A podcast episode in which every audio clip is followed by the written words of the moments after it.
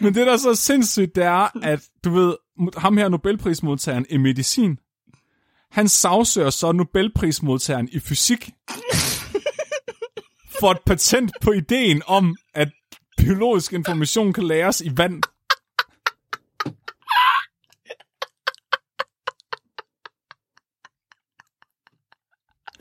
Fuck, det er virkelig Battle of the Morons, det her. Så det er bare to idioter, der går i flæsket på hinanden. Og resten af verden, de står bare og kigger på dem og skriger og griner. Sådan lidt, hvad fanden er i gang i? Hvad fanden er de kæmper om? Vi bringer en advarsel. Den følgende podcast handler om vanvittig videnskab. Al forskningen, der præsenteres, er 100% ægte og udført af professionelle. Mark og Flemming står ikke til ansvar for eventuelle misforståelser, men minder jeg om, at de altid har ret. Husk at være dumme. Hej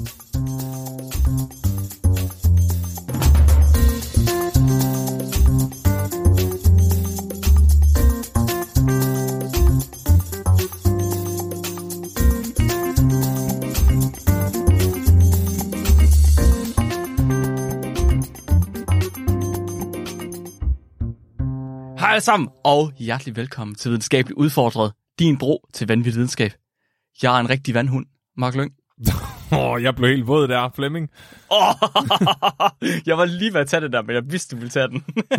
Det- jeg vidste ikke, før jeg sagde det, og så kom jeg i tanke om, hvad det betød, og så fortrød jeg, at jeg tog den. Nå, men det er fordi, du kan slet ikke, tænke, du kan slet ikke finde ud af, hvad det er, du skal sige, når du kigger på mig. Du bliver simpelthen så forflamsket, Flemming. Ja, for Jeg kan godt mærke det på dig. Jeg Jeg blev... kan godt mærke det på dig. Måske det er mig, jeg tror nærmere, det er mig, der ikke ved, hvad jeg skal sige, når jeg kigger på dig, Flemming. Jeg bliver altid helt forfjumret i mine ord. Ordenes magt er ikke nok til at betvinge mig.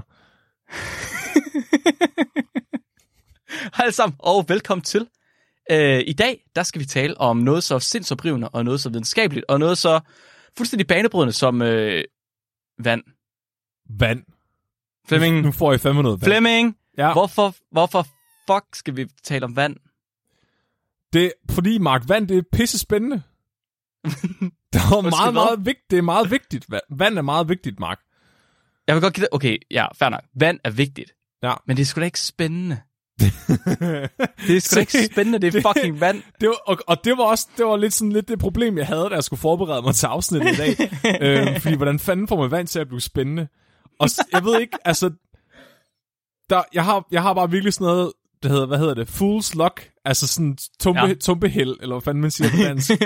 Ja. Så øh, jeg, jeg begyndte at sådan research ind i sådan videnskaben om vand, så faldt der bare en historie ned i skødet på mig, oh, det er kraftigt, men prøv at, som det, du har det så nemt. den involverer to ægte Nobelprismodtagere, og en tredje Nobelprismodtager, der har modtaget to ægte Nobelpriser.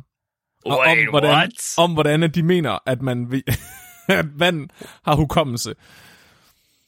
Ah, okay. Skal du tale om homeopati? Også det, jeg skal snakke om alt med vand. Alt, Okay. Næsten alt med vand, vil jeg sige. Vi havde fået sendt to se. rigtig gode artikler ind om vand, og så var der bare ikke nogen af os, der kunne finde dem. Jeg og så lige lige inden dem. vi skal optage nu her, så fandt vi dem igen. Så mange Ja. gange undskyldning til dig, der har sendt dem ind. Men vi Det var til. Ole. Der kommer en vand part 2. Vand del 2, ja. H2O2. Så bliver det så Ja, brændt ja. over Ilde-afsnit, hvis det er H2O2.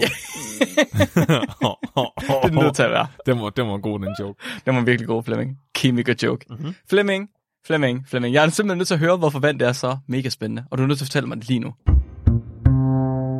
Så det, man kan med vand, ikke? Ja. det er, at man kan putte det ind i sit... Øh, øh, man har sådan det største hul i ens ansigt øh, på 99% af befolkningen. Der kan man hælde det ind. Og så, så er man faktisk lavet om til tis. Og det er så det største hul på den sidste procent af befolkningen. Jeg ved ikke, om dit urinrør er større end din anus. Den sidste procent, sagde jeg. Hvad? Den sidste procent. Nå, på den måde. Det kan ja. Det skal jeg selvfølgelig ikke. Jeg skal ikke uh, urinrørshame nogen herude. Undskyld, nu afbryder jeg. Så, Man kan øh, drikke vand. Hvad? Man kan drikke vand. Man kan drikke vand. Og man kan lave, det Og om, hvad kan man man kan lave vand om til tis. Ja. Og det er ret sejt. Nej, så, okay, så vand, okay, så... Det lyder virkelig, virkelig kedeligt. Altså, hvis vi skal helt ærligt, så lyder det pissekedeligt. Men jeg, jeg har altid tænkt som vand som værende mere spændende end andre mennesker, måske. Fordi det er virkelig Det er sådan... fandme mærkeligt. Hvad? Det er fandme mærkeligt. Nej, okay, så... hear me out. Jeg har, okay, så jeg tænker, først bliver vi nødt til at grundlægge her, hvorfor vand egentlig er ret spændende. Altså, vi bliver nødt til at etablere en fælles standpunkt, inden vi begynder at gå ud i fringe videnskab. Så bliver vi ligesom nødt til at blive enige, altså en baseline, for at vi alle sammen her kan tale om vand som værende noget, der i hvert fald er sådan okay interessant. Okay.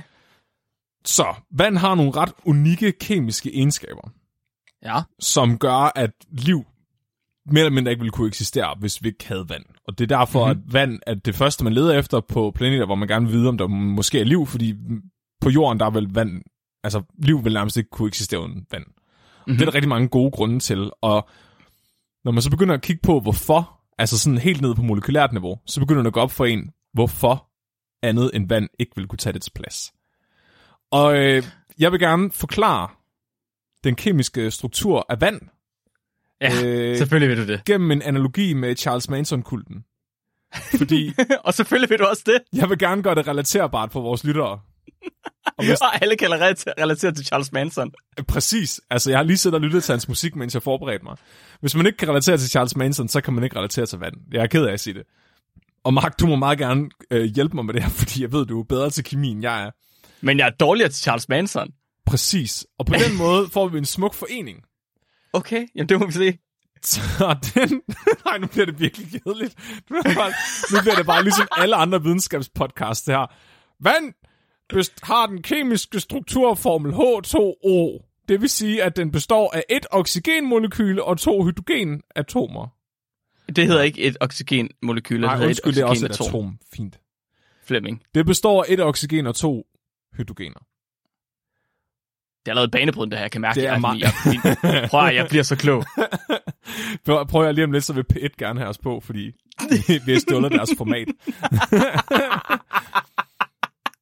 kan ikke komme ind og fortælle om molekylære formler i en time? Det er sgu da det, de gør på P1, når de formidler videnskab. Jeg har hørt det. Okay. Så det, der, så det, der er med molekyler, det er, at det er grundstoffer, der former nogle meget toksiske forhold til hinanden. Fordi grundstoffer, de er i virkeligheden nogle fucking psykopater, der bare gerne vil have fat i hinandens elektroner. Elektroner, ja. de er sexede, og de er klar til at gøre alt for at få fat i hinandens elektroner. Det er også, prøv at høre, det er altid sådan, jeg tænker på kemi. Ja, er det, er det Elektroner, elektroner er fucking sexet. Præcis. Det er derfor, jeg, det er derfor, man bliver liderlig, når man kommer nærheden af en ledning. Det er alle dine molekyler, der bare vil have fat i det der strøm der. en eller anden dag, så går du i bad med brødresteren. Mm. Hvis man har hørt efter i folkeskolen, jeg, jeg hørte ikke efter i folkeskolen, jeg lærte først der på universitetet nærmest. Så grundstofferne, det er en kerne af protoner, som er positivt ladet, og så en hel masse elektroner, som ligger og fyser rundt om, som er negativt ladet. Og de her elektroner, de øh, danner sådan en sky rundt om protonerne, og af en eller anden grund, så kan de der grundstoffer, de kan bare aldrig rigtig fucking finde ud af at have så mange elektroner, som de gerne vil have. Og det er pisse træls for dem.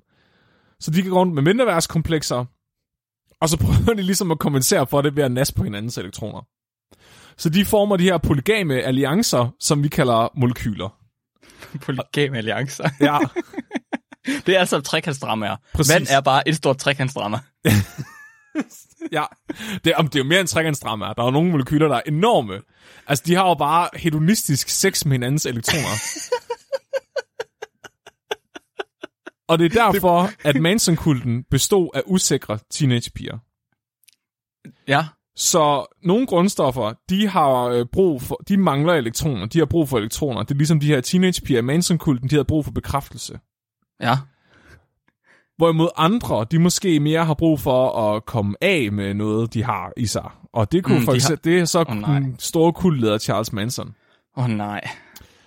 Det, der sker med vand, det er, Charles Manson, det, det er oxygen. Aha, ja, ja, ja, ja. Det er det. Så øh, oxygen ved bare, hvad den skal sige til molekyler omkring den, for at få fat i deres elektroner. Man kan også sige, at oxygen er utrolig elektronegativt. Det er et af de grundstoffer, der er aller, aller bedst til at hårde elektroner for andre grundstoffer. Ja, det er, ja. Så det, det er den karismatiske kultleder, vi har her. Og hydrogen på den anden side er nok det mest usikre grundstof i hele det periodiske system. Den kan virkelig, virkelig ikke finde ud af at holde på sådan et, den ene fucking elektron, den har. Altså, den er så talentløs til det, at den nærmest bare mister den der elektron og findes på ionform hele tiden. det er så talentløst, det der. Det er den. Den er totalt talentløs. Det, prøv at høre, det er derfor syre-base-kemi findes. Det er fordi hydrogen er så talentløs til at holde fast på sin elektron. Og de der piger der i Manson-kulten. jeg, virkelig, jeg, virkelig, jeg synes virkelig, det er synd for dem, den holdning, du har til, til at de er protoner, eller de er, hvad er det, hydrogener. Og se, synes, du, tæller, at... du, du, du er så... Du er så ne- du, du taler så meget ned til hydrogen, at du bare kalder den en proton. Men den er et grundstof, som bare består ja. af en proton, Mark. Og en elektron. Ja. Det, det, der sker, det er, at oxygen bare boller trækker i elektronerne fra hydrogen. Og den kan lige præcis trække i to af gangen. Og det der så sker, den er, den, er, den får fat i en usikker teenage pige i den ene arm, og en usikker teenage pige i den anden arm, og så siger den bare... og så holder den fast. Og så har du et vandmolekyle. det er pisse smart. Så et vandmolekyle, det er en ubehagelig, middelaldrende mand, der har lidt for meget charme, der er sammen med to meget usikre teenagepiger. Altså, jeg ved ikke, om Charles Manson var middelalderne. Var altså, det ikke det? Det tror jeg faktisk. Nej, nej, han var ja, også ung, det er selvfølgelig ung blev starten. Ja. Nå, var han det? Ja. Nå. Okay, Måske så... teenager, men altså.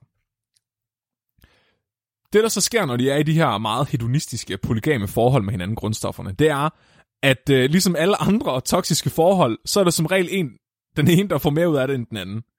Mm-hmm. Og øh, det er det samme her. Så oxygen får egentlig bare lov til at lege med elektronerne, og så sidder hydrogen bare der og kigger på. Og det betyder, at vandmolekylet er ligesom formet som et V, med oxygenet i midten, og så hydrogenerne ude øh, i, to- i spidserne af V'et. Mm-hmm. Det, der så sker, det er, når oxygen hiver i de her elektroner, så bliver oxygen, altså det er jo negativt ladet, og så har du øh, hydrogenerne, som ikke har nogen elektron mere, og så stikker protonerne ligesom ud, og så bliver den positivt ladet. Og så får du ligesom den her magnet, altså et polært molekyle, hvor den ene halvdel er negativt ladet, og den anden halvdel er positivt ladet. Det betyder, at vand er polært. Det betyder også, at vand er fucking polært, fordi du har den mest usikre pige i det periodiske system, og den mest fucking charmerende psykopat i det periodiske system, der er indgået i et forhold her. Og det betyder, at vand er fucking godt til at opløse ting i. Sådan volder godt. Det er, altså det bliver kaldt en universel solvent, altså opløsningsmiddel, fordi den, den fungerer bare så godt til det. Det den kan gøre, det er, fordi den har to, altså den er lavet forskellige hver sin ende, så kan den bare trække altså de fleste molekyler fra hinanden og opløse dem.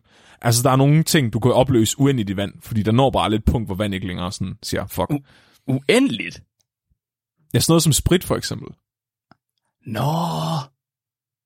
Wow, det lyder syret. Ja, okay, fair nok, det har du selvfølgelig ret i. Okay. Det kan jeg godt se, ja. Så altså, jeg prøvede at komme i tanke om andre væsker, sådan ligesom for at give et eksempel på noget, der er dårligt opløsningsmiddel. Men så gik det op for mig, at sådan alle de væsker, jeg kender, bare er vand med et eller andet i.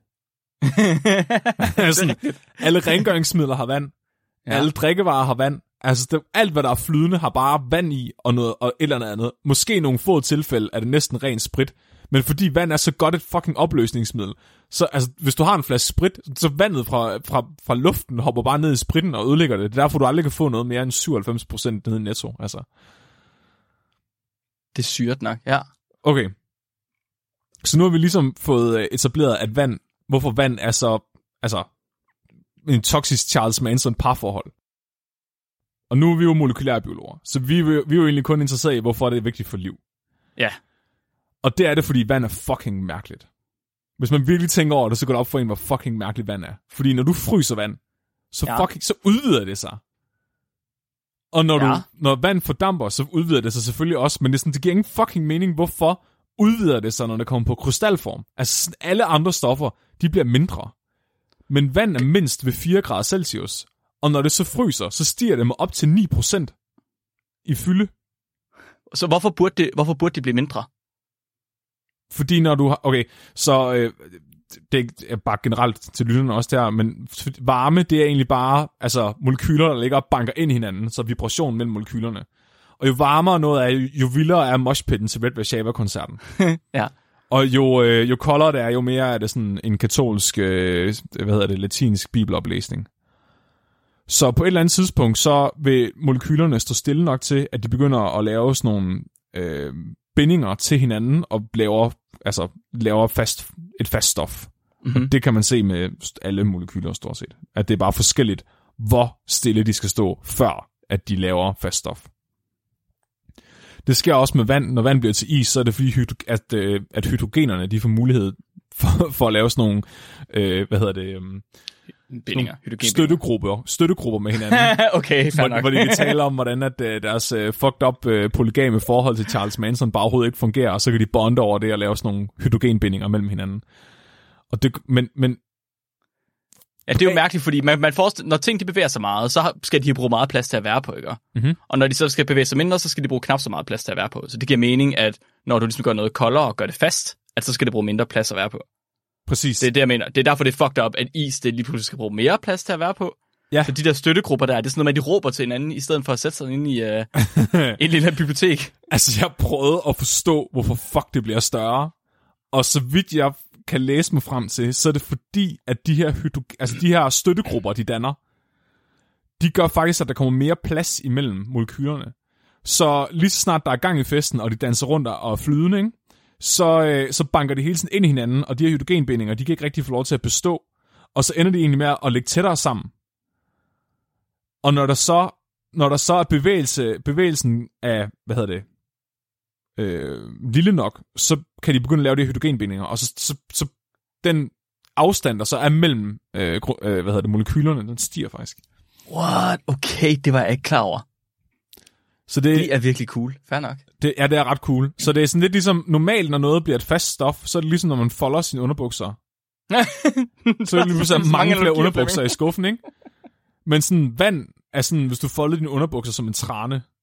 Sådan, ikke? Altså, du er sådan, det er kæmpe arbejde, du får bare ikke noget af det. Det fylder meget mere. Det kan godt være, at I tænker, fint nok, okay, vand bliver større, når det fryser, og hvad så? Det er rimelig fucking vigtigt. Fordi det betyder, at vand det flyder, når det er is. Det flyder. Nå, det, det flyder oven på ting. Ja, altså vand, så når, når, når, når is danner sig, så ligger det oven på vandet. Ja. Så normalt, når du har et stof, og det begynder at blive fast, så vil det jo synke til bunds, og det flydende af stoffet vil være øverst. Ja. Men hvis, hvis is gjorde det, så vil, de, altså, så vil søer blive bundfrosne om vinteren. Fordi så vil de bare begynde at fryse nedefra, Ja. indtil de bare var ren is. Og, altså, okay. der er ikke særlig meget, der kan overleve at være i en bundfrossen sø. Det er det samme med havene Klart. i polarregionerne. Du vil ikke have de her isøer, øh, øer, der ligesom ligger og flyder oven på havet. Du vil bare have altså fucking sunlolly hele vejen ned til, til, til bunden. Og det, og det er det, der er mega sejt, fordi det betyder, at når isen den flyder, så laver den ligesom sådan en isolerende hinde, altså den laver ligesom sådan en, en kappe oven på vandet, som forhindrer vandet nede i bunden fra at fryse til is. Fordi okay, det Okay, får ja, ja. varme Fra, fra jorden. Ja. Så hvis at du ikke havde, altså hvis vand ikke udvidede sig, når det blev koldt, så vil der ikke være noget liv i, i søerne i Danmark, mere eller mindre. Altså alting vil bare dø, hver gang det blev vinter, fordi det hele blev bare til en stor isterning. Ja. Okay. Så for det andet, som jeg sagde tidligere, så er det fucking godt opløsningsmiddel. Det er et universelt opløsningsmiddel. Og det betyder, at vores celler kan bruge det til at opløse alt muligt pisselort. Så vi er jo bare et kæmpe stort hippie-kollektiv af milliarder og milliarder af celler, som sidder og prøver at finde ud af, hvordan fanden de skal få det til at fungere, når Mark han drikker så meget, at de han mister bevidstheden et eller andet sted. Jeg fortæller, at det kræver meget byråkrati. Det gør det Der bliver, faktisk. der bliver holdt mange møder i ledelsen, for at finde ud af, hvordan de skal fortælle resten af, af koncernen, hvad de gør. Og det her byråkrati, det vil ikke kunne fungere uden vand. Fordi Mhm. mm-hmm. indersiden af celler, og det der omgiver celler, er mest af alt vand.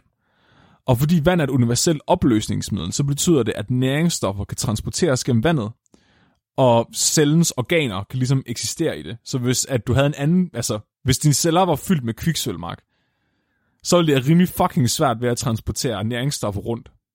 Ja, ja det kan jeg godt se. er et pænt dårligt opløsningsmiddel.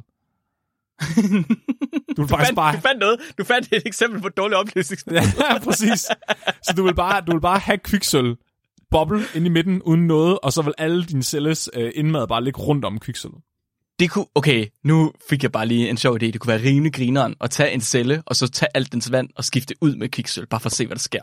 Ja, har du ikke set ham der manden i USA, der er blå?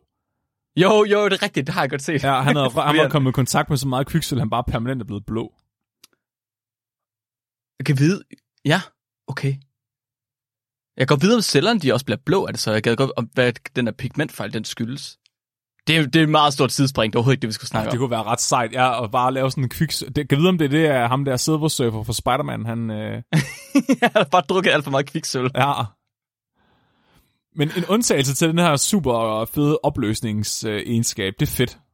Så fedt gider bare ikke være med i klubben. Fedt skal bare sidde mm. over og gøre noget fedt med sig selv. Nå, Det gider ikke blive opløst i vand. Det er fucking irriterende, når man skal vaske stegepanden, og man ikke har mere sæbe tilbage, fordi det, det gider bare ikke hænge ud med vand. Og det er Nej. fordi, at fedt har ikke nogen polaritet. Så fedt har den samme ladning hele vejen hen, og så, du ved, vand kan ikke, du ved, hvis du har en magnet, og du prøver at sætte den fast på noget, der er lavet af træ, så- så fungerer det ikke særlig godt. Jeg har prøvet i timer, der sker ikke noget. der sker bare ikke noget. Nej. Det er også øh, det samme som hvis en aseksuel person prøver at join Manson-kulten. Der, Ja, okay. De forstår ikke Charles Mansons appel. Alt hans Der- sex appeal ja. og alle hans kar- altså, karismatiske ting, altså de kan se ham for, hvad han er, fordi... Okay, nu har vi haft aseksualitet med før, og vi ved faktisk ikke helt aseksualitet af det. Men hvis du forestiller dig, en total aseksuel person vil ikke kunne forføres af Charles Manson. En aromantisk person også. Er romantisk, præcis. Ja. Og det er derfor, vi har sæbe, Mark. Er derfor, vi har sæbe. Fordi Sæbe er den aseksuelle persons veninde, som, øh, eller søster, som okay, joiner kulten, og så overbeviser vedkommende. Ja, så okay. okay. Sæbe, Sæbe har en halvdel, der er apolær, altså som ikke har nogen ladning, og så en polær del. Og den, den virker så som mediator mellem fedt og vand, for ligesom, du ved, at få fedt med i kulten.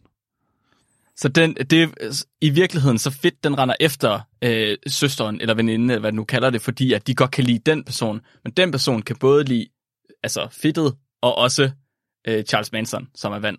Ja, præcis. Så fedtet ja. kan både... Så, okay. Så en aseksuel person kan lide sin søster på grund af familiært bånd. Er det indirekte seksualitet? Det lyder mærkeligt. Øh, Nu er vi, stadig, vi virkelig, det, jeg det tror ikke, lidt vand er okay at snakke om, Mark. Nej, men det er okay at snakke om Charles Manson. Ja, prøv at høre, Mark. Prøv at høre. Det er et interessant emne. Så det, du er nødt til... Okay. Åbenbart en god så analogi for vand.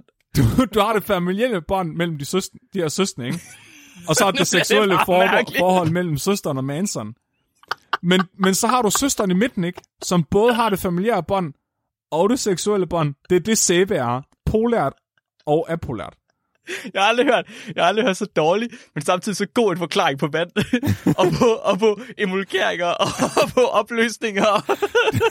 en hver kæmpe kan bare tage sig til hovedet og sige, hvad fuck er det, du snakker om? Hvis der Hvad er fanden er det her? Hvis øh, I har brug for en instruktor på øh, førsteårskemi på SDU eller KU, så sig lige til, ikke? Faser, det ved jeg ikke, hvad er. Det er som støttegrupper på bibliotek. Åh, oh, kæft, mand. Men, og så tænker, altså, så tænker man, okay, der er vand, vands svage spot, ikke? Det kan ikke opløse fedt. Men nej, det er, det, det er faktisk en styrke, fordi det betyder, at man kan lave de her, det der hedder miceller, så sådan nogle små fedtdråber i vand, Mm-hmm. og det er egentlig det, der er celler, mere eller mindre. Altså, du ved, det der er en cellevæg, det er bare en lille boble af fedt, som ikke kan blive opløst i vandet. Mm-hmm. Så det vil sige, hvis at vand øh, kunne opløse fedt, så vil vores celler gå i opløsning. Det er pisse smart. Og det er derfor, at vand endnu en gang er essentielt for liv, altså dets egenskaber, fordi ellers vil du ikke kunne opretholde en ordentlig cellevæg. Så, så har man aller, aller sidst, og det er, at den her kult, den holder altså sammen, Mark. For helvede. Det var... Øh, ej, nu det var... Okay, den joke skal jeg ikke fyre af. Den her kult holder sammen. det. I godt og ondt, Mark. Mm. Der er en grund til, at Charles Manson han blev gift i fængslet. Det hedder korrosion. Det hedder korrektion. Ja, det betyder, at vand, det er så fucking godt til at opløse ting, at det, op, det opløser sig fucking, det opløser sig selv, Mark. Det opløser sig selv, Det hiver fast i alt, hvad det får fat i, men det hiver også fast i sig selv. også i sig selv. Og det hedder korrosion. Det betyder, at vand, det egentlig hænger sammen med sig selv. Okay. Og det er derfor, at hvis du tager et glas vand og fylder det, så kan du faktisk fylde det op over kanten. Du kan se, der er den her bule, der stikker op over glasset, og det er korrosion. Ja. Ja. Det er vand, der er så godt til at opløse sig selv, at det holder fast. I sig selv. Det er virkelig freaky. Det er Og derfor, så- du... at du i vægtløs tilstand kan have sådan nogle kugler af vand, der ikke splitter ad, fordi vandet bare Ja. holder fast i sig selv. Så, så siger du til mig, overfladespænding, det er den effekt, der gør, at Charles Mansons følgere, de ligesom vil giftes med ham, efter han bare kom i fængsel. Ja, præcis. Det er... Nogen, nogen, nogen må skrive en, en oversættelse, en ordbog, til, så kemikerne kan være med her, og alle kan være med på ke- kemikernes sprog. Jeg er sikker på, at vores lyttere forstår det her. De forstår Jamen. mig. De forstår Flemming. og Charles Manson. Men det betyder også, at vand får et utroligt højt kogepunkt. Altså vands kogepunkt er åbenbart usædvanligt højt. Ja. Øh, I forhold til, hvad man ellers vil forvente. Men på grund af den her korrosion, så stiger kogepunktet. Og det gør, at vand fungerer rigtig godt som noget, man kalder svedmark. Det, øh, ja, Tada! det, det, der kan du circle. se, det har vi hørt om, simpelthen fordi det er godt til at overføre varme. Og det koger ikke, når det er, at det kommer ud af kroppen på os. det ville være pænt ubehageligt. Det ville være pænt ubehageligt, hvis det bare Prøv at tænke, hvis, vand, prøv at tænke, hvis vands kogepunkt det lå på 36 grader. Det ville være rimelig upraktisk. pænt upraktisk. Det er sind. Du bare, du bare boble ihjel med det samme, medmindre du sådan virkelig, virkelig, virkelig sørger for bare hele tiden at fryse. Er der, kan, okay, er der et tryk, hvorved at vands kogepunkt, det falder ned til 36 grader? Og hvad vil der ske, hvis man kommer et frø ind i det, eller, eller en dyr ind i det tryk? Det Så vil de vel bare- så vil de ikke være koge, det er samme. klart. Det er, jo, det er jo vægtløs tilstand, ikke? Eller det er, hvis du hopper ud i tomrummet. Hvis der ikke er, altså, hvis du falder Okay. ud af, af et rumskib uden din dragt på, Mm-hmm. så begynder al væske i din krop at koge. Fordi at øh, kogepunktet det falder så meget på, øh, ja. Ja, fordi Trykket trykket, er så højt. trykket er så lavt, og eller Lavt. nærmest ikke eksisterende, at altså vands kogepunkt sti, altså falder så meget, at det begynder at koge. Klart, lavt tryk, øh, lavere øh, kogepunkt. Klart. Ja. Så sådan blodet i din åre begynder at koge. Fordi trykket Det synes, er så jeg, lavt. det synes jeg, vi har haft om på et eller andet tidspunkt også. Nej, det var fedt, der begyndte at også koge ind i ham, der er gutten ned i øh, den der ubåd. Åh, åh, det er ikke særlig Ja. praktisk. Nej, det er det ikke. Godt så. Nu er vi kommet igennem alt forspillet, Mark. Alt det sexede øh, kemiske strukturforspil. Og øh, jeg, jeg, altså, jeg er ked af, at jeg har trukket jer igennem det her, men jeg er også nødt til at vide øh, det her. Fordi Hvis, hvis jeg havde hørt det her, da jeg havde øh, fysisk kemi engang, så havde jeg overhovedet ikke bestået. jeg var dumpet lige med det samme. Jeg, havde, jeg var ikke kommet igennem det, men hvad det snakker du om, Mark? fordi Mark har vand hukommelse. Øh, hvad? Hvor kommer det fra? Hvorfor spørger du mig om det? Du kan ikke... Det ved jeg ikke. Kan, det, kan, kan de huske, at Charles Manson har været ond? Det, Jeg ved det ikke. det her det er meget større, Mark. Det er, Det er større langt, end Charles Manson. langt større. Det var også det, Charles Manson sagde. Jeg kom fuldstændig på røven over, hvor stort det her det er. Med vand og hukommelse. Så Okay. øh, nogle af mine venner er sådan... Er, jeg ved ikke, alternativ, jeg har nogle alternative venner også. Og øh, de, nogle gange, så kommer de med et eller andet til mig og sådan, prøv lige at se det her. Det er en videnskabsmand, der siger det her. Det er ægte videnskab. Kan du ikke lige læse det og fortælle mig, hvad det er? Om det er rigtigt. Og så læser jeg det, og så siger jeg, what the fuck, det her det er meget forkert. Og det her det er en af de ting, jeg engang har fået præsenteret, og så, du ved, for seks år siden, og så har jeg ikke tænkt mere over det. Okay. Og så er det bare gået op for mig, at det bare er vokset de sidste seks år også. Så Er- der er er- åbenbart virkelig, virkelig mange, der tror, at vand har hukommelse. Altså som i homeopati, eller hvad? Ikke kun, i homeo- ikke kun som homeopati, men som i, at vand kan øh, bære, inf- altså bare generelt bære information om, hvad der, har, hvad der, hvad det er blevet udsat for. Undskyld mig, hvad? Ja, det, og det, det, det, det, giver, okay, og det, og det er det, der bare ikke giver nogen mening, fordi, okay, du, du, du kan godt, for eksempel krystaller, Ja, kan du godt få til at gemme information. Fordi klart, det krystaller, giver mening. Ja, fordi du kan ændre måden, at øhm, de her faste kemiske bindinger er i en krystal. Mm-hmm. Og det, altså, det er ikke anderledes end... Det, er det, det, det, det, er det samme, som du har et gammeldags hard drive, eller en CD, og du så brænder øh, en struktur i overfladen af den, som du så kan aflæse som værende information. Mm-hmm. Ikke? Det, er det, det er ligesom det, nålen gør på en CD, at den finder ja. ja. bare rillerne, og det kan du også gøre i en krystal. Men som vi tidligere har fået etableret, så er vand, øh, flydende vand altså ikke særlig ordnet. Det er bare en moshpit ved øh, en Red Warszawa-koncert af Charles Manson og alle hans øh, tilhængere. Så det er ret kontroversielt at komme ud her og sige, at vand kan lære information, fordi det burde ikke kunne lade sig gøre. Det modsætter Nej, det- ligesom alle ja. ting, vi ved om øh, kemi og fysikkens lov. Ja. Men det har ikke forhindret folk i at udgive artikler om det i Nature. I Nature? I Det har- hvor? I hvad, sagde du? I I Nature. I hvad for nogle mennesker? Undskyld, stop lige en gang. Det har ikke forhindret Nobelpri- to forskellige Nobelprismodtagere at forfølge det her. To... De fik ikke Nobelprisen for det der. Det vil jeg ikke uh, våge påstå, nej. Godt, godt. Trods Er du, er du tak, klar til at komme... Tak. se om dit vand kan huske det her, Mark? Har du et glas vand, du kan holde op til mikrofonen og se, om det er blevet dummere bagefter? Hvordan ser vandet når det bliver dummere? Det kan jeg faktisk fortælle dig øh, Du om støst... Nej! Hvad? hvad kan du? ja, ja, oh ja. Så det hele det starter med Jacques Beneviste, som i 1988 udgiver en artikel, hvor han påviser, at vand har hukommelse. Og den her artikel er kendt som værende det, der giver grundlag for homeopati. Åh, oh, ja. Så Okay. dem, der ikke ved, hvad homeopati er, det er egentlig bare ideen om, at du kan tage et lægemiddel, og så fortynde det, og fortynde det, og fortynde det, og fortynde det, og fortynde det, og fortynde det, og fortynde det i vand, indtil det ikke findes længere.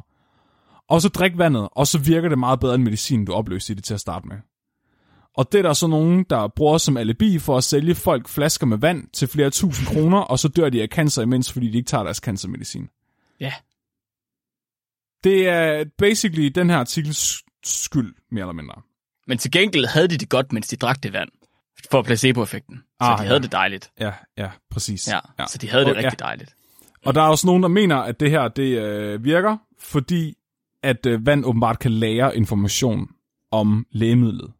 Og den her, in, den her information om lægemidlet er mere ren end lægemidlet selv. Hvad? Jeg bliver så sur. Hvorfor? det Hvorfor på skulle det virke? Det er på grund af Jacques øh, Benveniste. Så øh, han udgiver en artikel i 1988 i Nature. Og Nature er altså det mest prestigefyldte sted, du kan få udgivet din forskning. Hvis du i Danmark udgiver en artikel i Nature, så er du sikret et arbejde for livet. Altså, det er Ja. så vildt af det Inden for naturvidenskab. på naturvidenskab, ja. Han påviste, at vand rummede information om, hvad der tidligere havde været opløst i det. Øhm, han opløste nogle antistoffer fra mennesker i det her vand, indtil de ikke fandtes i vandet længere. Så han har lavet nogle, jeg har læst originalartiklen, og han har regnet ud, hvor mange gange han skulle fortynde det, for han var fuldstændig sikker på, at det var fysisk umuligt, at der var eneste fucking antistof tilbage i det her vand. Ja. Og så præsenterede han øh, immunceller fra menneskekroppen for det her vand. Og så viste det sig, at vandet udløste et immunrespons. Så det vil sige, at det normalt er det antistofferne, der får immuncellerne til at reagere, fordi det er deres opgave. Men her viste han, at vand, der havde været i kontakt med antistofferne, kunne også gøre det, men at vand, der ikke havde været i kontakt med antistofferne, ikke kunne gøre det. Så han konkluderer, at det simpelthen er fordi, at vandet kan huske strukturen af antistofferne, og derved trigger immunforsvaret. Hvor mange mennesker har kunne replikere det her studie? det kommer vi til. Jeg tænkte jeg fandme nok. Han sender det her ind til Nature. det gør han. Det er, altså, helt ærligt, Mark, hvis det var, altså, hvis man bare ser det, som det er, så den her opdagelse jo fantastisk. Åh, det er jo fuldstændig vanvittigt banebrydende at kunne have vand, der kan huske strukturer af proteiner. Det er fuldstændig sindssygt. Prøv at tænke på, du behøver ikke længere at have bits. Du kan fucking, du kan lave en computer i havet. Altså, det er jo fuldstændig sindssygt. Det, det, er, det er sindssygt. Altså, du bryder fysikkens love, og du kan lige pludselig sådan udrydde al industri fuldstændig, fordi du bare kan bruge vand til alle kemiske sammensætninger. Fuldstændig. Så da Nature modtager det her, så tager de ikke helt afvise den. Fordi øh, de kan godt se, at hvis de afviser den her, så stiller det dem i et rimelig dårligt lys, hvis det nu viser sig, at han har ret. Ja, okay, fair nok. Så øh, ham, der var editor på det her tidspunkt, øh, hed Maddox, og Maddox har sagt i interviews, at der faktisk var ikke var noget galt med hans forsøgsopstilling. Altså, der var ikke noget galt med eksperimentet. Der var ikke nogen teknikaliteter, de kunne afvise den på.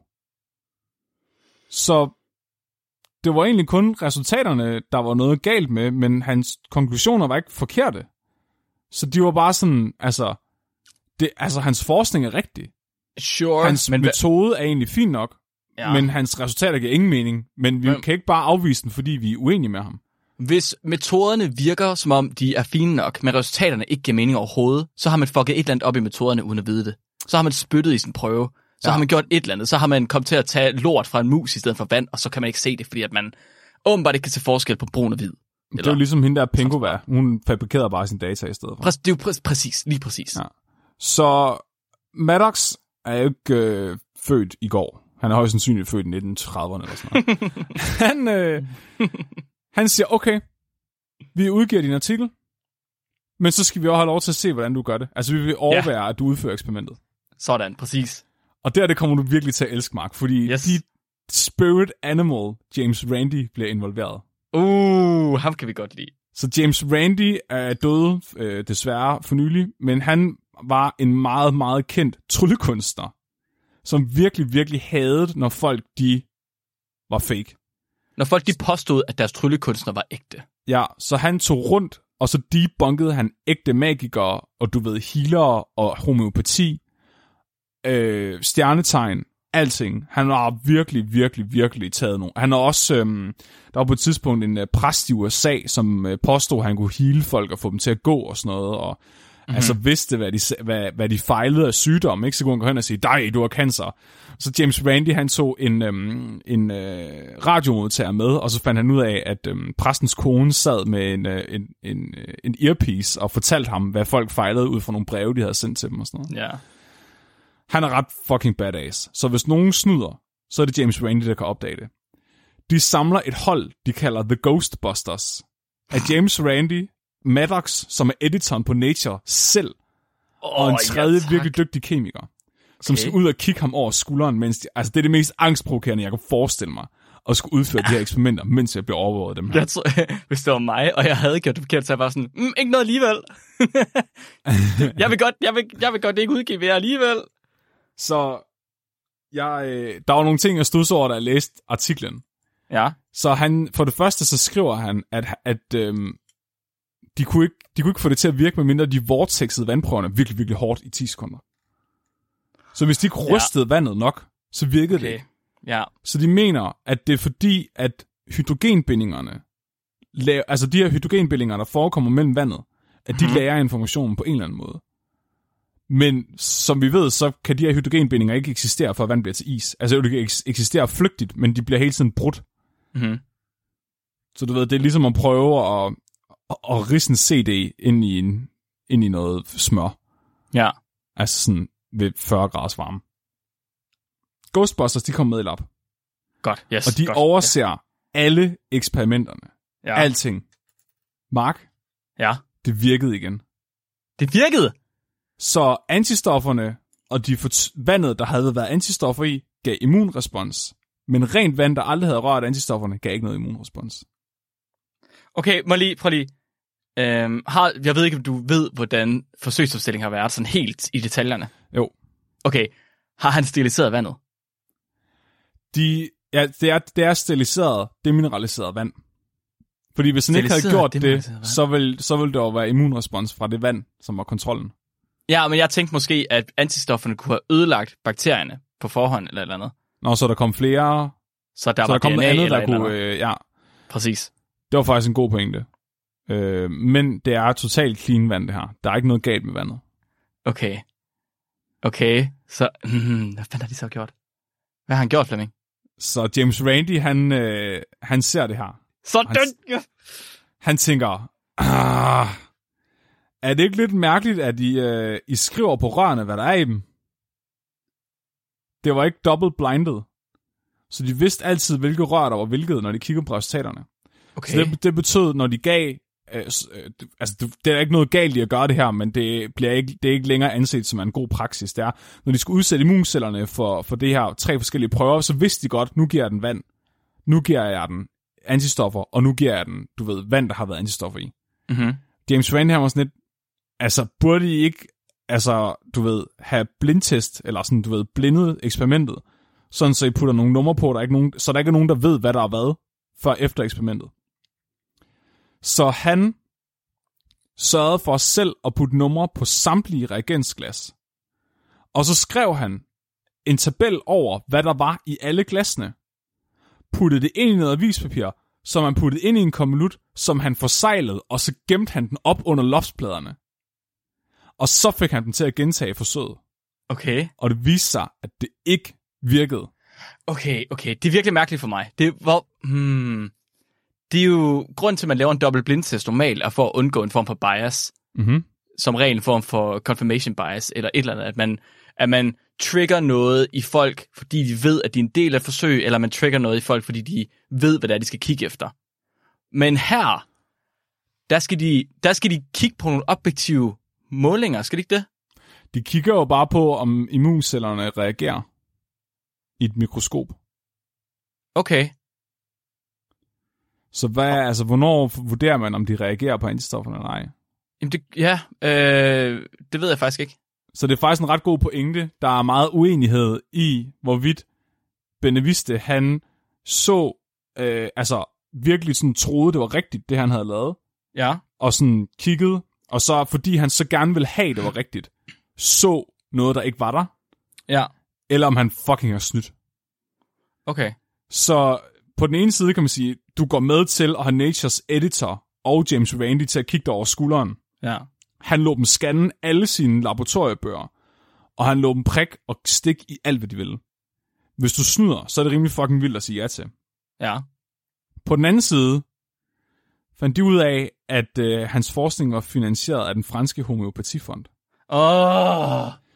Så det vil sige, dem, der tjener penge på at sælge folk vand, havde betalt ham for at forske i, hvorvidt okay. vand virker Men hvorfor- som homeopati. Hvorfor, hvordan virkede det, dengang at Ghostbusters, de var ude med den?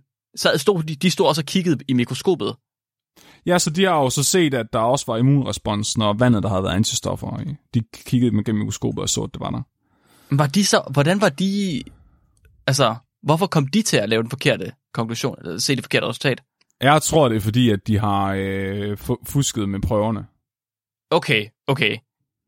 Personligt er, fordi det, der sker bagefter... Okay, så hvis nu det viser sig... Altså, hvis Beneviste, han i virkeligheden ikke var biased, og ikke ville have, at det skulle virke, mm-hmm. og ikke havde snydt, så tror jeg, Mhm. mm-hmm. efter den her oplevelse, så havde han nok stoppet, ikke?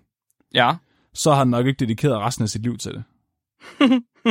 fordi vi er kun lige kommet i gang. Okay. så de, øh, han, han forsvarer sig lidt. Han siger for det første, at, øhm, at det ikke var altid, det virkede, når de prøvede det. Han sagde, at det var kun nogle gange, det virkede. Og han sagde, at øh, de havde prøvet flere måneder, før at de kunne få det til at virke rigtigt. Så han sagde, det, det, er, det findes faktisk. At, vandet kan godt huske det her, det er bare nogle gange glemmer det. Øh, Nogle gange glemmer ja, de det. Ja, præcis. Så det er allerede et dårligt tegn, ikke? Hvis du ikke altid kan få det samme resultat af det samme eksperiment, så er der noget galt. Så, har du ikke, mm-hmm. altså, så er det ikke den rigtige hypotese, du tester, eller hvad fanden du laver. Så det indrømmer han faktisk. Og så sker der egentlig bare det, at han har sådan en battle frem og tilbage med Nature, hvor han sender breve ind til Nature, der bliver publiceret, og Nature de skriver tilbage, og så er der sådan en lang diss track. Mm-hmm. Og han, skriver, han beskylder for eksempel James Randi, som han var faktisk, James Randi var tryllekunstner. Ja. Han havde åbenbart distraheret hans uh, labfolk ved at stå og lave magi for dem, og det var det, der ja. Havde ødelagt eksperimentet. Selvfølgelig. Han øh, vinder en øh, ikke Nobelpris for det her eksperiment. Øh, for, ja. Og du ved, der tænker man så, at den her mands karriere er over.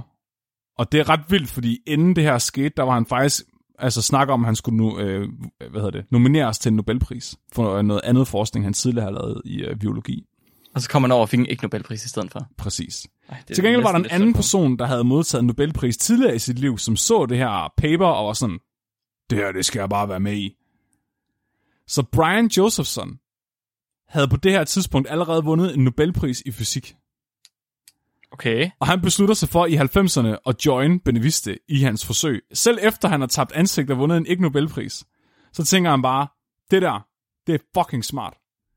What? Og så sammen udgiver de en videnskabelig artikel, hvor de viser, at antigener kan overføres gennem telefoner.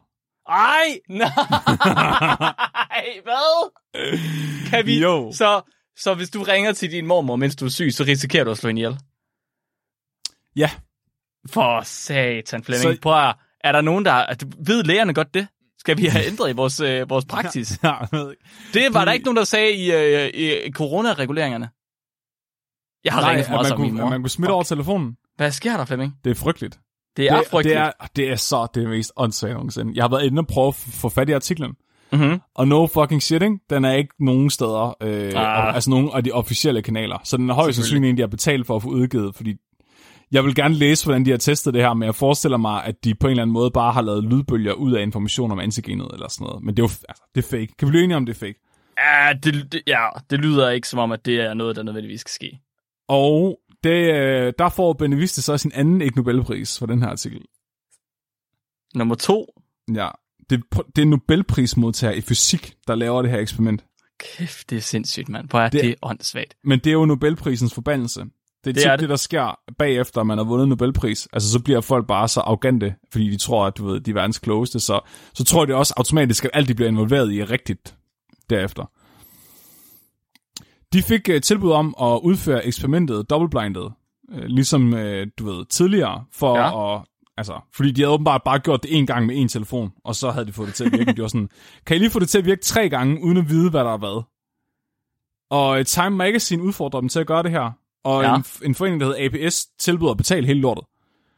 Og James Randi hørte det også, og var sådan, prøv at høre, hvis I kan få det her til at virke øh, doubleblinded og randomiseret, så giver jeg 1 million dollars. på hånden." Var det, De før, han havde udlå- var det før, han havde udlånt sin dusør? det, var, dus, jamen, det var den her dusør, øh, som en specifik møntede på dem. Nå, men han begyndte på den der dusør med, at hvis der kommer nogen, der kan bevise, at de rent faktisk har magiske evner, at så vil han give dem... Var det, var det også en million, han ville give dem? Det ved jeg ikke. Altså det her, det var en Det million dollars, han tilbød dem. Hvilket Ja, okay. er ret mange penge. Ja, ja. Så, De øh, sagde, bare fucking vent og se, nu skal vi vise, at det er rigtigt, og vi er ikke bange for jer, og så gjorde de det aldrig. Og så gjorde de det aldrig. Nej. Okay. og nu bliver så, og det bliver dummere og dummere, det her. Er vi ikke færdige nu? Hvad fanden? Det bliver bare dummere og dummere. Altså, det er den mest, den mest sindssyge hjerneprut, jeg nogensinde har mødt.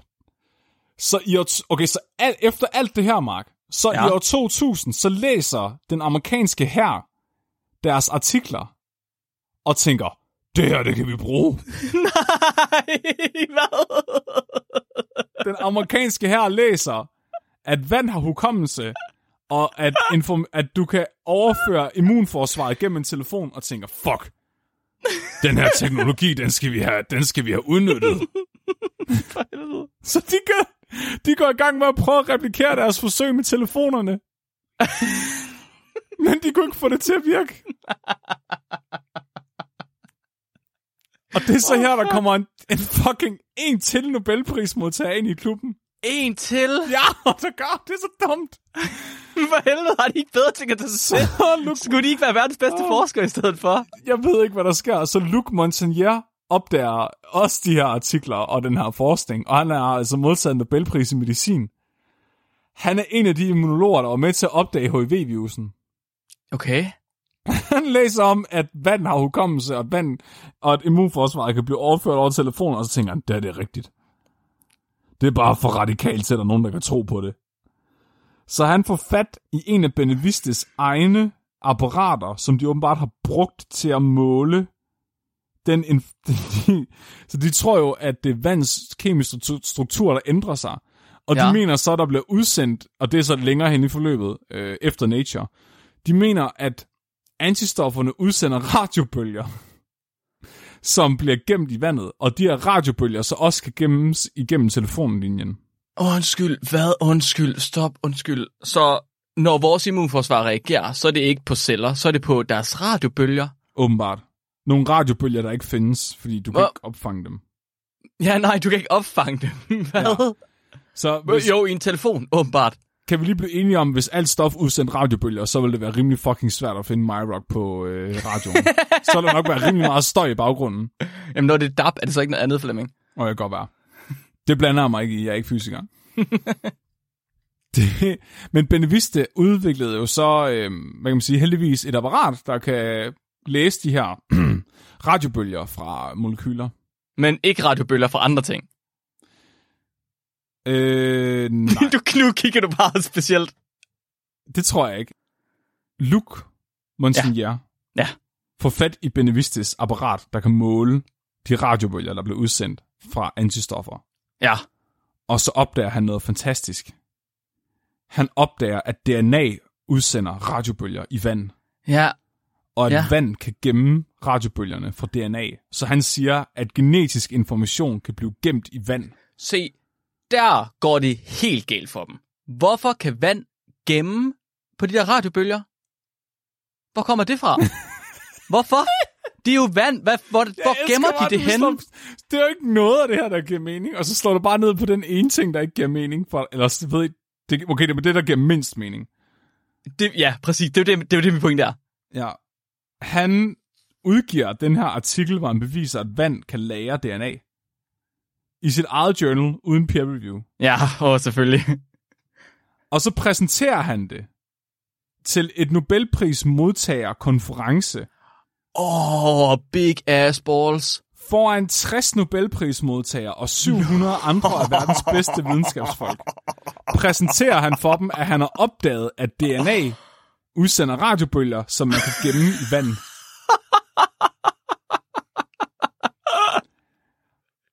Jeg har læst øh, nogle øh, folk, fra folk, der har været der, og de er bare sådan, folk begyndte bare at ryste på hovedet og gå, og sådan, det, er- det, det det dummeste nogensinde. Det er sindssygt. Hvor er det et power move, men hvor er det også bare virkelig, virkelig dumt. Det er så dumt. Ved du, hvad der sker Det er nu? så dumt. Nu, får han, nu går hans karriere vel i stykker. Det amerikanske militær, det kigger på det her. Og så siger de, hmm,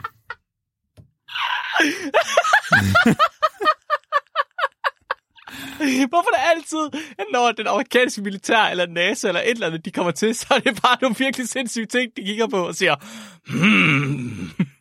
det, det, det er så fucking dumt. Det amerikanske militær, de fik også fat i Benevistis apparat og prøvede at lave det så pinligt der. Ved du hvad, Mark? Altså, De kunne ikke få det til at virke. nej, det kunne de vel ikke. Nej, det kunne de ikke. Oh, I år 2010 beslutter øh, Luc Montagnier, at øh, der beslutter han sig for, at Europa det simpelthen ikke er klar til hans øh, viden. Han beslutter sig for, at det er bare alle andre i hele verden, der er noget galt med. Så han tager til Shanghai. Og så bliver han faktisk, der starter han en forskningsgruppe, som, fordi han mener, at i Asien, der er folk mere open-minded. Ja, klart, fordi der er gået for penge. Så han var bare sådan, prøv at høre, det her, det virker altså. Europa er bare for øh, fucking stive i skjorterne, og de kan ikke forstå, øh, hvor fantastisk det her er, de vil ikke forstå det. Det er fordi, de er mainstream science og narrow-minded. Bare fordi jeg ikke kan få det til at virke hver gang jeg gør det, betyder det ikke, at det ikke virker. Og det... Men det, der er så sindssygt, det er, at du ved, ham her Nobelprismodtageren i medicin, han sagsøger så Nobelprismodtageren i fysik for et patent på ideen om, at biologisk information kan læres i vand.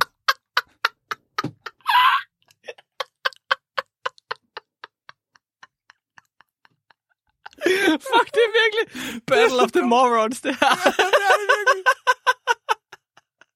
Så det var to idioter, der går i flæsket på hinanden. Og resten af verden, de står bare og kigger på dem og skriger og griner. Sådan lidt, hvad fanden er der er gang i?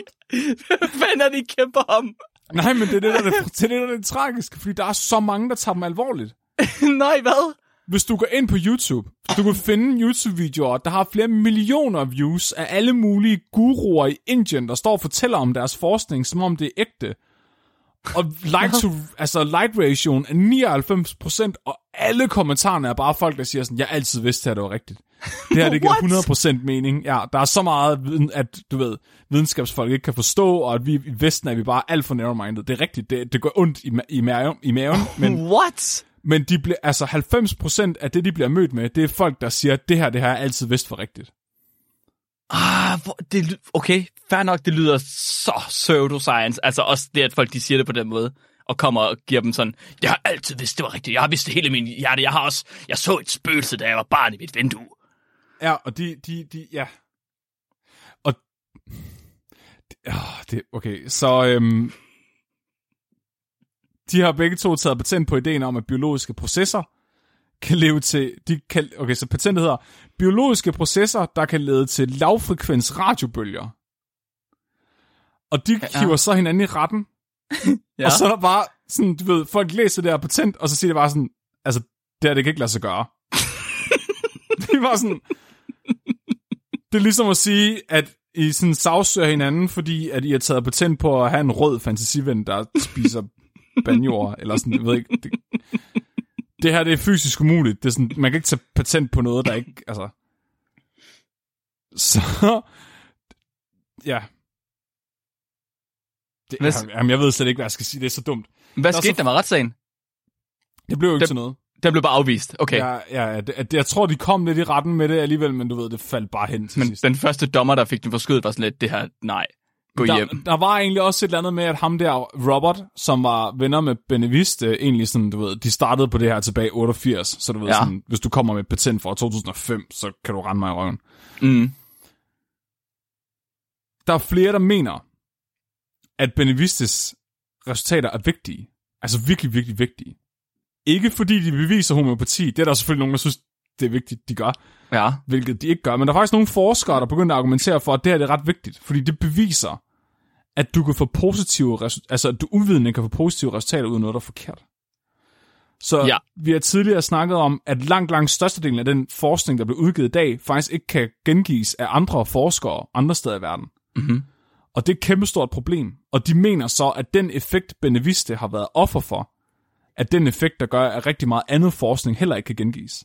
Så vi er nødt til at tænke på her, at hvis hans artikel, som han havde sendt til Nature, var kommet med en anden påstand, altså du ved, noget, der ikke var fysisk muligt, men bare var noget med, du ved, antistoffer kan gøre det og det. Og så siger man, nej, hvor spændende, det udgiver vi. Og så var der ikke mere Ja. så var James Randi aldrig taget med derud, og så havde de aldrig tvunget dem til at lave dobbeltblindede øh, eksperimenter.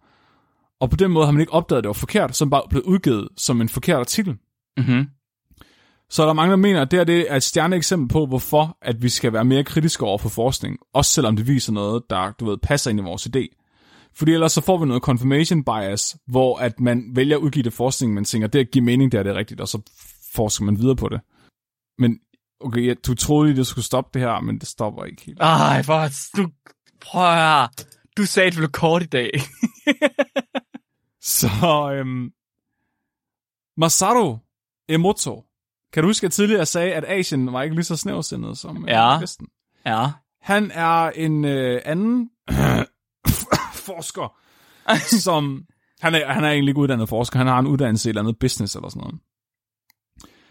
Han begyndte at forske i 1990'erne i, hvorvidt vand er levende.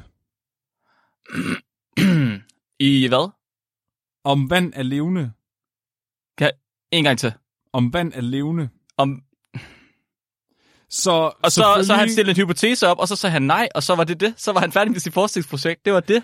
Nej, nej, han har jo brugt i hvert fald 25 år på bare at lave bestandige mængder af bevismaterialer, som faktisk betyder, at han bliver nævnt. Han døde for et par år siden, men han bliver nævnt øh, konstant af alle mulige spirituelle guruer og folk, der tror på det alternativ, som værende stjerneeksempel på, hvorfor mainstream science er lort, og hvorfor man skal lytte til ham. Han skulle æde med med at holde sig i banken. Det, han tog patent på noget, der hedder et vibrationsometer. nej. som kan detektere alle sygdomme gennem magnetiske bølger fra patientens hår.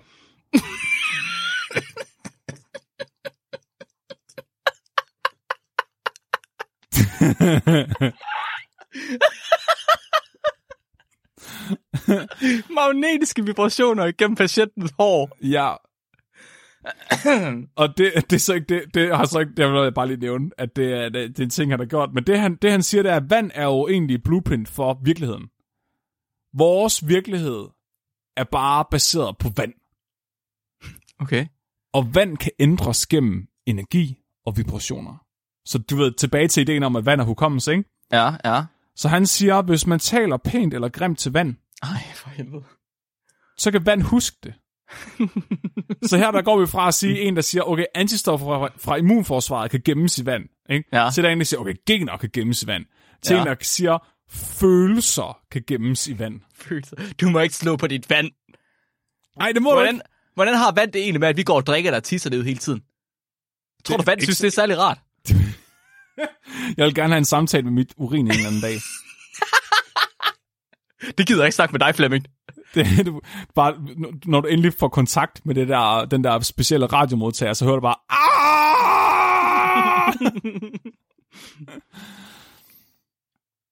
Hvordan tror du, at man undersøger, hvorvidt vand kan huske følelser? Han har jo, han har jo stået, han, prøv, han har jo stået skældt det ud, og så har han jo set, at nu er blandt, vandet blevet sur, eller har fået en anden radiobølge, eller at det er blevet til is, eller hvad fanden ved jeg. Eller Åh, har, han slå, har han slået på det? Han, okay, så han er en rigtig conman. Så han forstår godt, at bare det ved at påstå det, så får du ikke særlig mange følgere. Du er nødt til at have noget evidens, du bare kan vise til alle sådan her, Ja. og så forstår de det. Hvilke, hvilke slags videnskabelige data er det nemmeste at formidle til folk og vise, det her, det findes?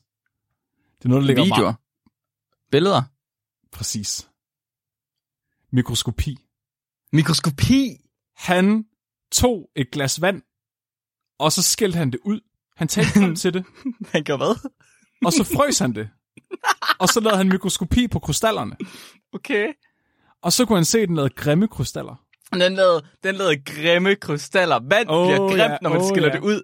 I hørte det først. Gå ud og fortæl det til alle på Facebook. Vand bliver grimmere, når man skiller det ud. Det er jo fordi, de kan huske de negative følelser. Smager det også ringere, når det er grimmere? Det har jeg ved jeg ikke. Det, Hvordan Jeg, er grimt vand også tungt vand? Eller er grimt vand lettere vand? kan jeg vide, om tungt vand bare er sådan vand, der er blevet fatshamed? Åh, oh, så der findes slet ikke rigtig tungt vand. Det, er bare, det kommer an på, hvordan du skiller det ud. Og vi får lige et godt input herfra, Mark. Prøv lige, tag, du sidder med et glas vand, gør du ikke det? Okay, jo, det gør det gør det gør. Okay, prøv lige at smage på det. Kontrol? Yes, er klar. Jeg, jeg, Ja. Jeg renser lige paletten med noget vand, inden jeg smager på en vand. Ved du hvad, Flemming? Ja. Det smager lidt af vand. Det er ikke blevet ud. Du har ikke talt til det i løbet af dagen. Jeg har ikke talt til det på. her i løbet af i dag- dagen, nej. Det har stået hele dagen faktisk, og ikke blevet talt til. Har du lyst til at se, om du kan få det til at smage bedre eller dårligere, måske?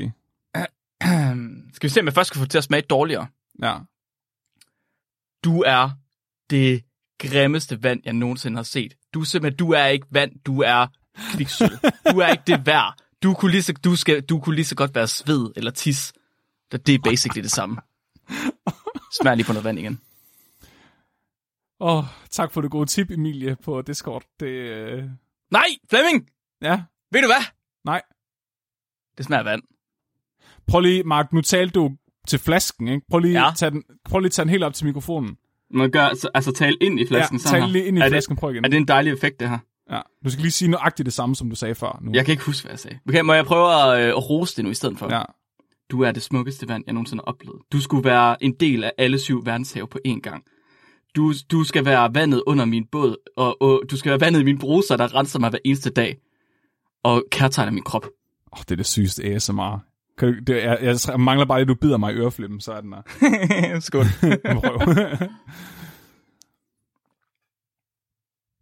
Flemming? Ja. Flemming? ja. Flemming? Det smager stadig af vand. Prøv lige at... Skal vi Ej, nu. prøve at sende uh, vores resultater ind til Nature? vand smager vand, når man skiller det ud. Hold kæft, mand. Og det er, øh, det er egentlig bare det, han gør. Så han har en hundredvis af billeder af forskellige iskrystaller. Så han har vand, han har udsat for negative ord, positive ord. Han har prøvet på forskellige sprog. Ah, Så det viser mm, sig, at vand åbenbart kan alle sprog. alle Og sprog. forstå, om noget er negativt eller positivt, uanset hvilket sprog det er. Jamen, det er fordi, det er ligesom hunden. De forstår ikke sproget, de forstår betoning, Flemming. Nu synes jeg ikke, at du tillægger vand særlig mange, øh, meget intelligens. Nej, det, nej, undskyld, det kan jeg godt se. Jeg kan godt se. Han finder også ud af, at øh, hvis du spiller musik for vandet, så øh, har det også stor indflydelse. Så for eksempel, hvis du spiller Elvis, så bliver det sådan et funky krystal. Ej, nu står du. Hvis du spiller dødsmetal, bliver det en grim krystal. Hvordan- så øh, hvordan vand er fuck- åbenbart en boomer. Hvordan fuck ser et funky krystal ud? Og, men det, det vilde er, at så når du ser billederne, så virker det mega imponerende. Og når du så får at vide, at det er en forsker, der har gjort det her, og det her er resultaterne, så tænker man, wow, hvorfor er der ikke nogen, der taler om det her? Men så går det op for dig, hov, han er ikke forsker. Hov, der er, han redegør faktisk ikke for, hvordan han har taget de her billeder, og der er ikke nogen andre, der har set, hvordan han gør. og så finder du egentlig også ud af, at iskrystaller, de sådan, øh, dannes ret anderledes, bare hvis du tager og mikroskoperer på hvilket som helst is, så kan du basically finde alle hans iskrystaller i, i det samme vand. Så det handler egentlig bare om, hvilken krystal du tager billeder af. Så han har taget alle de billeder, der er på en dag. Højst sandsynligt bare, han puttet nogle forskellige Photoshop-filter på. Fandme imponerende. Så det, der påvirker, hvordan iskrystaller danner sig, det er, hvordan det bliver frosset. Altså for eksempel, hvor hurtigt og sådan noget. Ja. Øh, og hvor koldt det er. Så, så øhm, du kan egentlig bare sidde og pick and choose, hvad for en krystal du har billeder af. Og det har han så bare gjort. Det har han selvfølgelig. Og du ved, så har han bare sagt videnskab, og så, du ved, folk, der gerne vil tro på det, de tror bare på det. Og, og det har så gjort ham til millionær, hvis vibratometeret ikke gjorde det i forvejen. For helvede. Vibratometeret. Så det var, øh, hvad jeg havde om vand, og hvorfor vand har hukommelse, Mark, og hvorfor vand er intelligent. Det var, det var et noget anderledes afsnit, end jeg havde regnet med, at vi skulle høre i dag. Jeg synes, du er godt nok kommet omkring mange ting, Flemming. Tak. Alt fra at fortælle kemi, som var det en del af Charles Manson-kulten, helt over til uredeligt videnskab endnu en gang. Det er fandme smukt, Flemming. Du er en smuk mand. Jeg har, jeg har haft lidt for mange afsnit her på det sidste, hvor jeg føler, jeg er blevet dummere bagefter. Altså, jeg ved ikke, hvorfor jeg udsætter mig selv for at læse alt det her øh, videnskab forskning. Øh, Jeg synes, det er fucking fedt, for at det her er det, jeg havde håbet, podcasten skulle være, da vi lavede den til at starte med. Det er lige så Det var- svært, Flemming. det var vildt at læse uh, Nature-artiklen fra 88, altså med, hvor han beviser, at vand har hukommelse første gang. Så den hedder High Dilution Experiments. Øh, nej, den hedder Human Basophil Degranulation Triggered by Very Dilute Antiserum Against IgE. Og den er kun tre sider lang. Nå, hold Der da er op. ikke nogen adskillelse mellem introduktionen, metoderne og resultaterne. Nå, okay. Det er en virkelig dårlig artikel, og den, den, det er så mærkeligt, den er med i Nature. Og så, de opfølgende artikler er egentlig bare diss tracks. Altså James Randi og Maddox, hvor de skriver, at basically, han er delusional. Fandme Men den fedeste artikel, som jeg desværre ikke kunne få fat i den med telefoner, den hed Transatlantic Transfer of Digitalized Antigen Signal by Telephone Link. Ej, det er fucking genialt. Man kan købe adgang til den for 30 dollars, hvis der er nogen derude, der synes, det er det værd for at få lov til at læse den. Det synes jeg, oh, kæft, det er smukt, mand. Du må, du lægger, du må lægge linker, links op i uh, kildehenvisningerne, Flemming, det skal jeg nok. så folk de kan se det. Det er fandme smukt. Tusind, tusind tak, Flemming. Jeg er blevet klogere på vand, og øh, mindre klog på, om vand det er klogt eller ej. Eller det er jeg faktisk også blevet klog på, for det er det ikke. okay, Flemming. Vi har et lytterspørgsmål i dag. Er du klar på det? Mhm. Mm-hmm. Dagens lytterspørgsmål er sendt ind af Trine Heitz Larsen, og hun øh, har et spørgsmål omkring øh, søknæleren, eller regnbueregn, som vi lavede et afsnit om gang. Kan du huske den? Uh, det er fandme længe siden. Det er fandme længe siden. Jeg tror, det er ikke til det afsnit, hun har et spørgsmål til. Det er fordi, hun har set en DR, øh, hvad hedder det?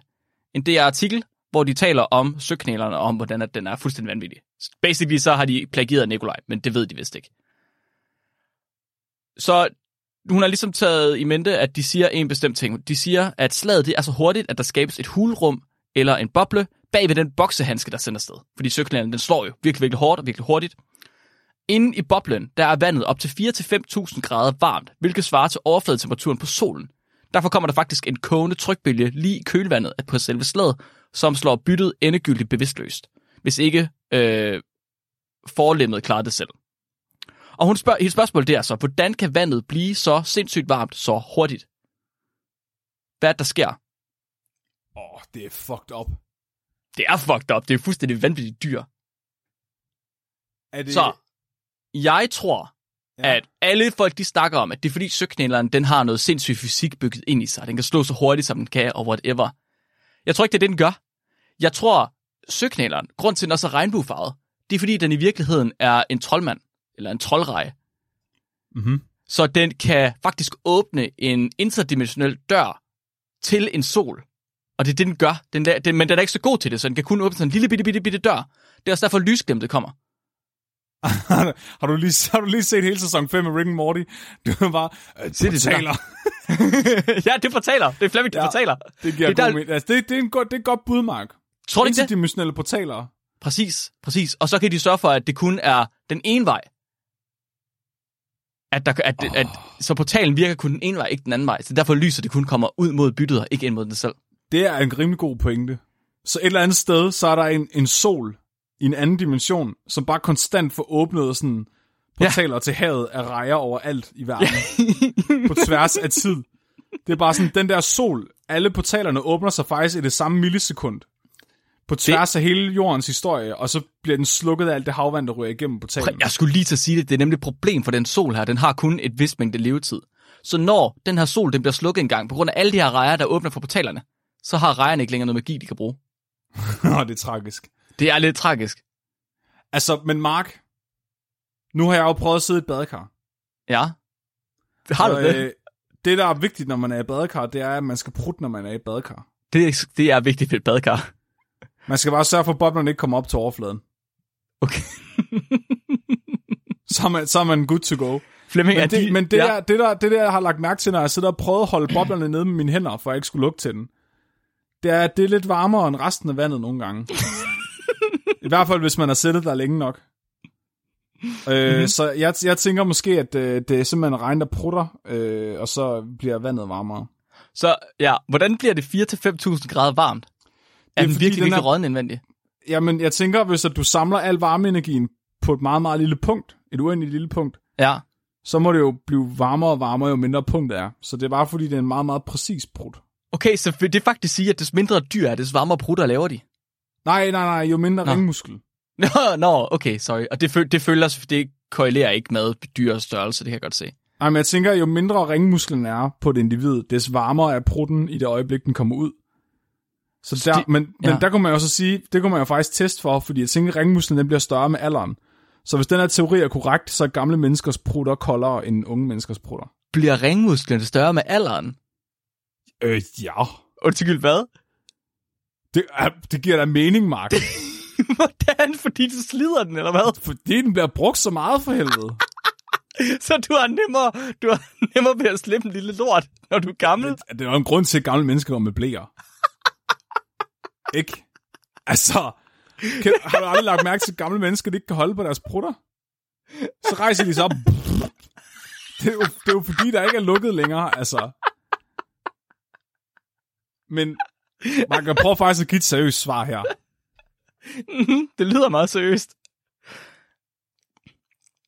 Nu har jeg jo glemt, hvad jeg skulle sige. Hvad, hvad var jeg i gang med at sige, Mark?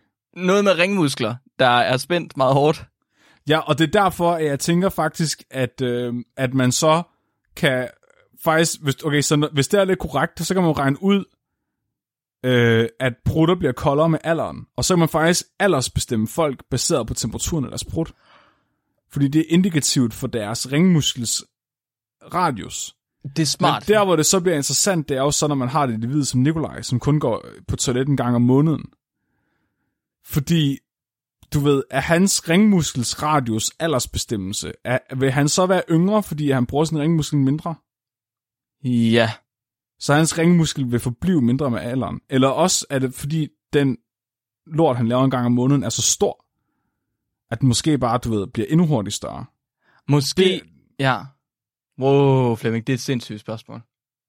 Okay, Det er så, faktisk, ja, så hvis vi nu kan få, hvis vi kan få etableret, ligesom, du ved, Bristol-skalaen, hvis vi kan få etableret prutte, øh, hvad hedder det, pruttetemperaturs anus øh, radius korrelationen. du skal, bare, ja, du skal bare have fundet en model, en formel, Flemming. ja, Det er bare at måle pruttetemperaturen på nok mennesker, og så øh, plotte den som en øh, funktion af alderen. Uh, Og så er det bare at fitte en linje til det. har, skriver du ned, Mark? Har du, Yep. har du Ja, det? prøv at, Altså- prøv at, prøv at, vi har det på optagelse, Flemming. Det er lige her. Det-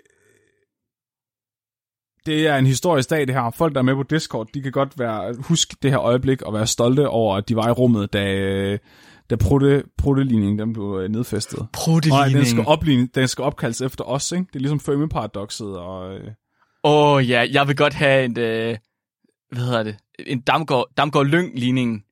Skal handle, skal handle om, hvor gammel man er, når man prutter. Der, ja, Damgaard Lyng-ligningen, der handler om øh, øh, korrelationen mellem alder og pruttetemperatur. Præcis, præcis. I hørte det her først. Vi tager patentet. Vi skriver artiklen. Den er på vej. Thijs, han, på- han, han, Thijs i Discord, han øh, foreslår, at vi kalder det ringmuskelår. Ja, årringmuskler. Fordi det er årring, Årringmuskler. i stedet for årring. Det synes jeg er smukt. Det synes jeg er smukt. Er det Skal så vi ikke, ligesom vi ikke, hundeår? Flemming, nu er vi simpelthen nødt til at stoppe. Skal vi ikke sige uh, tak til Trine for spørgsmålet, og så sige, at uh, det var svarene? Det, det er enten fordi, at de prutter meget, meget hårdt, fordi de har meget stramt ringmuskel, eller fordi, at de åbner en interdimensionel dør til den samme sol alle sammen, som er ved at gå ud. som Fuck, jeg elsker vores podcast. gav videre en plot twist er, at det er vores egen sol. Og det er faktisk den dommedag, der bliver forudset i Bibelen. Det er, når alle portalerne på tværs af tid, så alle, alle du ved, regnbuerejer, der eksisterede på noget tidspunkt i verdenshistorien, deres portaler åbner sig på samme tid, og så slukker det solen. Vi er nødt til at stoppe. Det var faktisk det, aztekerne, de vidste ville ske. Vi er nødt til at... Det var regnbuerejerne. Det var altså, det var regnbuerejerne, det var troldrejerne. Der er jo en grund til, at Quetzalcoatl, der kommer med, med, med hvad, hvad hedder det, jordens undergang, er så farverig, ikke? Altså, det er fordi, han er et reje. og Han, den kommer fra havet, ikke? Altså, Åh, oh, for helvede, Flemming, du har set den. Du, du har, Ja, ja. Der, er så mange, der er så mange først, eller så mange øh, vi har i dag. Det er vildt. ja, undskyld, ja. Stop, Godt ja. Flemming, stop. Tak for spørgsmålet, Trine. Men stop, Flemming. Vi skal score sidste uges afsnit på Gargometeret. Så vi skal score afsnit øh, 36 på, øh, på Gargometeret, som er det her barometer, som Barometer Bjarke har lavet til os. Så man kan gå ind og se ind på vores hjemmeside, og så kan man finde ud af, hvilket afsnit er det mest gakkede afsnit, vi overhovedet har. Eller hvilket afsnit skal man starte med, og hvilket kan man måske godt vente lidt med. Så vi har lige scoret sidste uges afsnit, nummer 36, som handlede om uh, Schmidts smerteskala, hvor han uh, med Justin Schmidt, der blev stukket af samtlige insekter, han kunne finde. Og den uh, fik simpelthen score på 72, hovedsageligt fordelt på fjollefaktor og Nobelfaktor, hvilket jeg synes er meget smukt. Og 72, det er samme score som uh, vores afsnit om troldsmør, der var afsnit 326, hvor Nikolaj fortalte om troldsmør, der, som er den her mærkelige svampeagtige ting, der kan øhm, der åbenbart har intelligens og kan huske ting, og som man brugte det til at, at øh, lave metrosystemer. Ret fucked. Jeg bliver altid bange, når jeg ser noget i skoven. Ja, Så det gør jeg for at trampe på det. Troldsmør er uendeligt smukt. okay. Er der noget, øh, du gerne vil sige til folk, Flemming, inden der, du lige øh, signer helt off med, dit, med dit vand? Jeg vil bare gerne sige tak til alle sammen. Det betyder så meget for mig. Åh. Tusind tak, fordi I lytter med alle sammen. Det er mega rart. Og øh, tusind tak, fordi at, øh, I støtter os med alt, hvad I kan. Tak til min mor, der også lige er begyndt at støtte os. Og som muligvis lige er kommet ind på Discord. Hold nu op med at blære dig sådan med dine forældres opbakning. Ja. Åh, min far han kommer til vores live show og overrasker os. Og min mor støtter os på tier. Ved du? Nå, Mark. Nå, Men min mor det ikke dejligt, har Flemming? mig. men Flemming, de må også godt lidt være dine forældre. Hvad? Ja, du må godt dele. Vi kan Uh. godt dele. Du må godt få lidt af dem. Uh, Det er okay. Flemming Lyng. Det er et godt navn, Flemming. Kan du mærke det? Nej, jeg kan ikke helt. Nej, ikke helt. nu. Jeg er en lyngel. Ja. Nej, jeg vil bare sige tusind tak, fordi I hjælper og støtter os alle sammen. Til dem, der sender artikler ind, til dem, der støtter os på tier, til dem, der sender os spørgsmål, og til dem, der bare, du ved, lige giver os et like inde på Facebook og følger vores øh, fangruppe. Så øh, Det er dejligt. tak til alle sammen. Øh, en sidste hurtig meddelelse kunne være, at øh, på fredag den 17. lige om lidt, altså den 17. september, der øh, optræder vi meget intimt på Ungdomshuset i Odense øh, klokken 19 om aftenen. Så hvis man er i Odense, så kunne man måske komme forbi Ungdomshuset og komme ind. Jeg, det er gratis. Jeg ved ikke, om man skal være medlem af Ungdomshuset faktisk. Prøv at komme og banke på og se, om øh, der er plads til jer. Ellers smider vi brosten ud gennem vinduerne, ligesom et rigtigt ungdomshus. Præcis. Næste uges afsnit, det er øh, et afsnit, der er blevet foreslået til os af Erik Peter Christensen. Og han, øh, han stillede simpelthen spørgsmål i en kommentarfelt på et tidspunkt, fordi han vil bare fucking gerne vide, hvad der er værst. Så det betyder, at næste uge, det bliver et meget markafsnit, for vi skal høre, om det er pest eller kolera, der er det værste. Uh, Vi skal simpelthen have sat det fast, Flemming. Er det pest eller kolera, der er det værste? Uh. Ja, og det tænker jeg godt, jeg kan et afsnit ud af. Så I skal simpelthen høre, hvor forfærdeligt det er at have pest, og hvor forfærdeligt det er at have kolera, og hvilken af dem, der er det mest forfærdelige. Åh, oh, din stakkel. Det glæder jeg mig til. Åh, oh, det er faktisk mest synd for mig, fordi jeg skal høre det. Ja, glæder du dig ikke? Nej. jo. Pest eller kolera eller markafsnit, eller alle tre på en gang. Uha, bliver det ikke rart. Alright, Flemming. Tusind tak for dit afsnit i dag. Er du klar til et dyrfakt? Ja. Dagens dyrfakt, det er sendt ind af Begitte. Tusind tak for det, Begitte. Begitte, hun har skrevet ind. En sort leopard har også pletter. Undskyld hvad? En sort leopard, den har også pletter. Er det sådan en anden filosofisk ting? Nej, de er bare gemt. Det er fordi, du kan se dem med dine øjne, Flemming. De var gemt på grund af pigmentet. En sort leopard, har også pletter. Mit navn er? Mark, mit navn er Flemming. og du er blevet videnskabeligt udfordret. Husk at være du.